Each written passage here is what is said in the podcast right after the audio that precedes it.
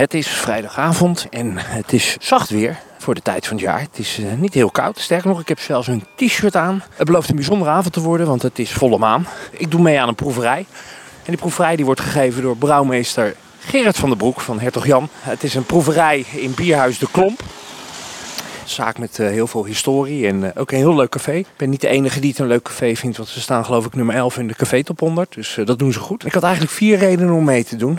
De eerste reden is dat ik een fan ben van uh, de Grand Prestige bieren. Ik heb tijdens de Week van het Nederlands Bier op het Nederlands Bierproeffestival regelmatig de vatgerijpte versies gedronken. Maar ja, dan drink je natuurlijk twintig van die bieren. Dus dan heb je aan het einde van de avond ook niet echt meegekregen wat je nou eigenlijk geproefd hebt. Dus reden 1 is om uh, volledig nuchter een proeverij in te gaan en is echt die vatgerijpte Grand Prestige te proeven. Reden 2 is dat ik vorig jaar bij Goose Island ben geweest in Amerika. Een van de brouwers met uh, een van de grootste vatencollecties van, uh, geloof in elk geval Amerika. En uh, Hertog Jan heeft daar afgekeken hoe je vatgerijpt bier kan laten barrel agen. Dus daar ben ik heel benieuwd naar.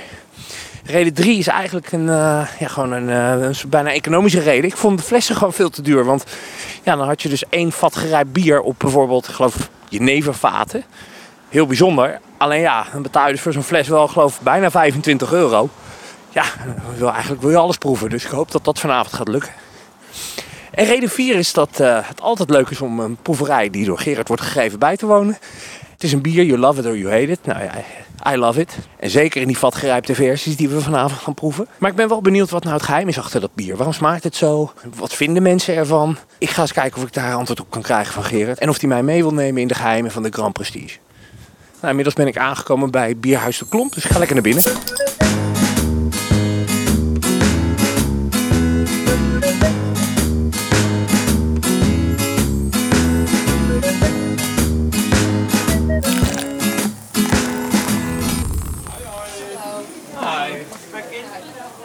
Goedenavond.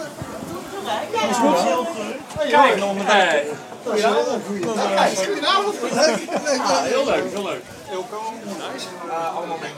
Nou, we zitten op de bovenetage van de Klomp. Ik ben hier met mijn uh, zwager en uh, vriend Danny. Jij bent altijd een beetje huiverig hè, voor, die, uh, voor die proeverijen. Nou ja, ik krijg er geen nachtmerries van. Nee, oh, op die manier. Het is natuurlijk een zware jongen, nou, helemaal als die vat gerijpt is. jij zit al aan een pilsje, ik heb het bewust een beetje nuchter gehouden. Jij hebt het Nederlands Bierproeffestival, heb je ze daar wel eens geproefd ook? Die, Ja, niet die speciaal vat zijn gerijpt. Nee, okay. Volle bak, zit ik maar ja, een mannetje of...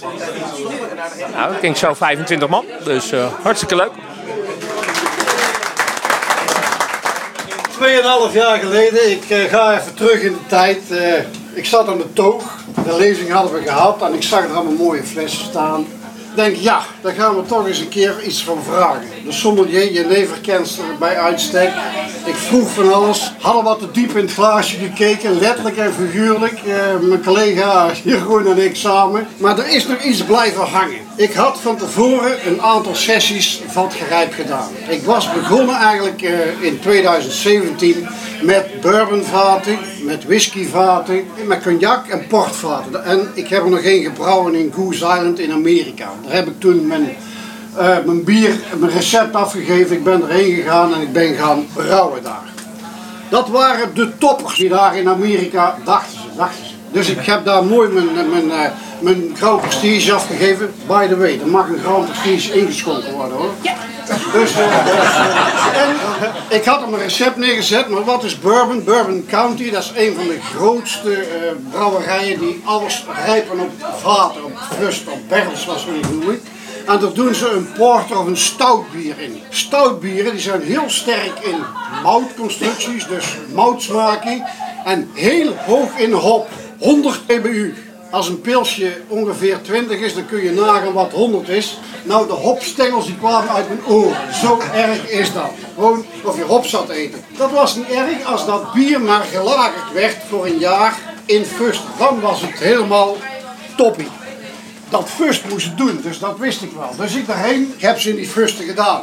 Na negen maanden, zoals ook een mooi kind geboren moet zijn, ging ik eens terug om te kijken hoe het smaakte. Het was niet te hakken. Het was zuur geworden. Ik zeg, weet je wat je doet? Die kraan doe maar open en het is mooi visvervoer, want ik is niet te doen. Opnieuw gezet en toen zijn we eens gaan kijken wat het was. Het vat, daar was niks mis mee. Alles was goed. Alleen het afvullen hadden ze niet onder controle. Want in een hele sterke porter of stout, daar proeven we geen off-flavors meer. Dus toen ben ik eens na gaan denken en toen heb ik een barrel filler zelf eens gaan bouwen in Arts. Ik ben zelf ook een stukje techneut, dus daar zijn we mee begonnen. En we hebben er één gebouwd waar wij perfect eigenlijk onze Hertog Jan op barrels af kunnen vullen, zonder zuurstof. Want whiskies, uh, alles heeft zuurstof nodig tijdens de rijping. Wij niet, want als het zuurstof bij ons krijgen we oxidatie. En oxidatie is gelijk alles naar de knop. We gaan nu de Grand Prestige op bourbonvaat. Uh, dat is de eerste editie. Die gaan we proeven. Dat was de, het eerste experiment. Dus dit zijn uh, uit sympathie voor dat ik hier de eerste bierlezing mocht houden. En over je nevers heb ik dit voor jullie even uit eigen mond gespaard. Daar zijn we heel blij. En Gerard zegt net dat uh, alle bieren inmiddels ook niet meer verkrijgbaar zijn. Dus het is best bijzonder zo. Ik wil niet, deze mogen ook wat langer bewaard worden. Als jullie het goed hebben gedaan, dan hebben jullie nog een klein beetje van de vorige, zodat jullie weer kunnen vergelijken.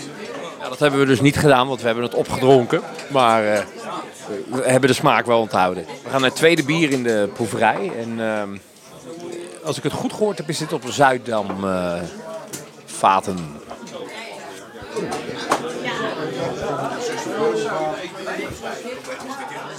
Klopt het dat Zuiddam dat normaal niet doet? Die uh, vaten. Uh, die doet heel veel. Ja? ja? Of is dat Rutte wat ja. normaal niet. Uh, even... dat zijn, dat zijn dan. Rutte doet er moeilijk over. Niemand doet er moeilijk over, maar het is de.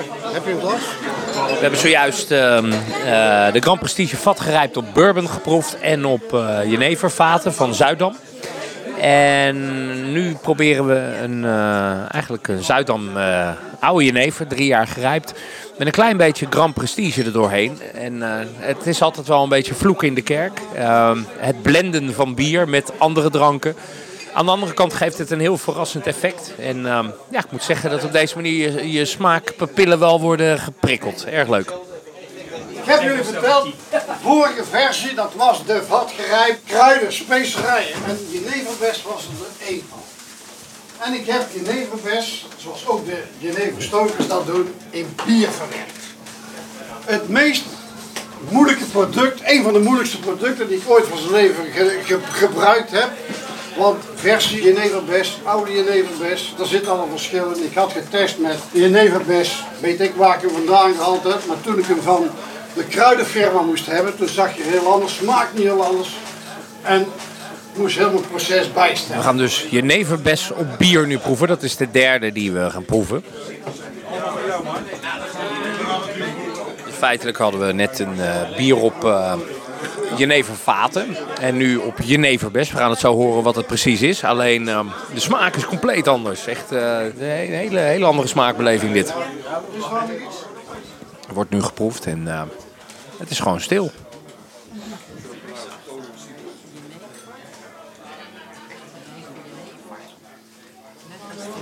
Nou, we zijn natuurlijk helemaal in de sferen van de jenever en wat uitleg gekregen over hoe uh, jenever tot stand komt. En een van de dingen wat een groot onderdeel is van de jenever is het mazeraat. Heeft met een kruidenmengsel te maken dat op alcohol staat. Dat hebben we net geproefd. En we kunnen nu uh, zelf gaan experimenteren met een mazeraat in het bier. Uh, dit voel me wel een beetje een gifmenger, voel ik me wel. En de grap is dat de Grand Prestige zich daar heel erg goed voor leent. En Gerard als presentator ook trouwens. Dat doet hij, dat doet hij goed. We gaan naar het vierde bier. En dit heeft op hooghoutvaten gerijpt. Al Rosso, dat is een sherry. Ik ken het niet, maar uh, ga ik zeker opzoeken na deze proeverij. En uiteindelijk is er een mazeraat aan toegevoegd. Dat is wat wij net hebben geproefd. En dat is een, natuurlijk weer het kruidenmengsel wat de jenever weer smaak geeft. Ik kwam hier voor een bierproeverij, maar het werd uiteindelijk ja, toch ook een jeneverproeverij. Dus uh, erg geïnspirerend en uh, leuk om, om dit mee te maken. Heel bijzonder.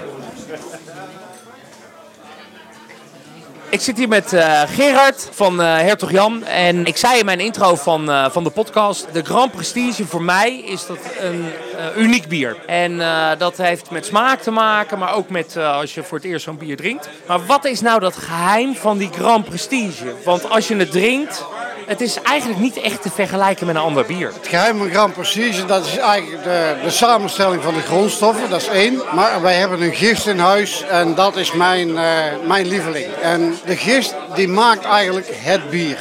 moutsuikers, die halen we uit die mooie granen die we hebben, die mooie mouten die we hebben. Maar dan gaat de natuur zijn gang. De gist die zet die namelijk om in alcohol, koolzuurgas en een legio aan geur- en smaakstoffen. En dit laatste, dat is de keuze van de brouwer en die maakt dat bier zo mooi.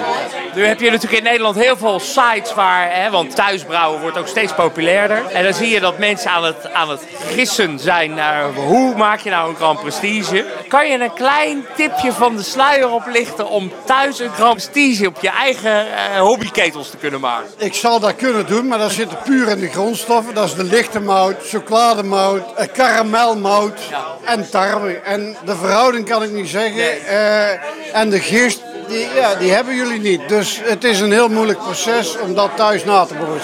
Het bier leent zich heel goed om uh, ook dus uh, te, te vatgerijpt, hè? De, de, eigenlijk barrel-aged. Uh, ga ik even helemaal terug naar, als ik het goed heb gehoord, 2015. Toen ben je bij Goose Island geweest. Ik ben vorig jaar bij Goose Island geweest. Ik wist niet wat ik zag.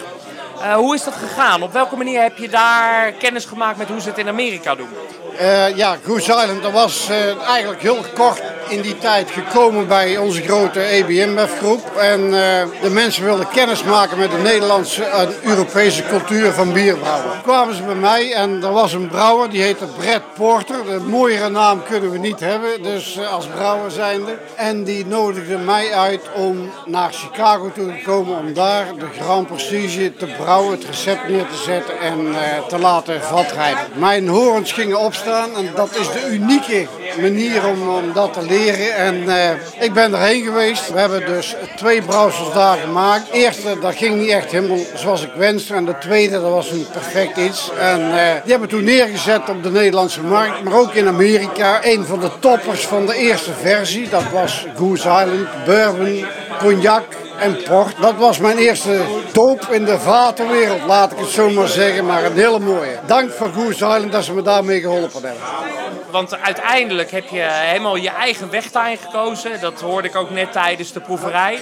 Ik bemerk dat je die, die, die, uitstap naar Jenever, dat dat heel goed bevallen is. Hoe ontwikkel je daarin als, als brouwer? Want dat is natuurlijk wel eigenlijk een hele andere tak van sport. Brouwen is uh, eigenlijk de basis is eigenlijk hetzelfde, dat heb ik al verteld. Het is mout, hun gebruiken dat ook. En ik heb toen hier een verhaal gehoord bij de klomp en uh, dat triggerde mij om te kijken wat wat is het als we Nederlandse jenever maken en Nederlandse whisky eigenlijk, zo moet ik het eigenlijk vertalen. Dan hebben we vaten en dan kunnen we er ook iets moois van maken. En wat is er nou mooier als twee Nederlandse producten bij elkaar zetten? En dat was mijn uitdaging. En die ben ik aangegaan. Het was geen eenvoudige tour, maar het, het, ja, het is ons gelukt. Nou, we hebben vanavond volgens mij alles geproefd wat uh, vatgerijpt is gemaakt. We hebben oh, het zijn er twaalf? Ja, er zijn er twaalf. Maar okay, we, maar dan hadden we niet meer weggekomen. maar ik wil het puur spitsen op de combinatie wat jenever, de, de huwelijk tussen jenever en eigenlijk het bier, of bier en jenever. Daar heb ik eigenlijk willen toespitsen. En waarom het vat zo belangrijk is, wat we kiezen als brouwers. Wat kunnen we nog gaan verwachten? Kan je nog een, uh, een primeur... Uh, wat, het, het, Tuurlijk, ik geef altijd primeurs weg, maar ik zeg niks. Dus uh, dat, is, dat is mijn mening. kom op de, ergens in maart, op het midden van maart, dan, dan zetten we onze website open. En dan, en dan krijgen wij weer een mooie viertal bieren te proeven die we op de nieuwe, nieuwe dingen zijn. Wat het is, laat jullie verrassen. Dankjewel. En dankjewel voor deze bijzonder informerende proefraad. Graag gedaan, dankjewel.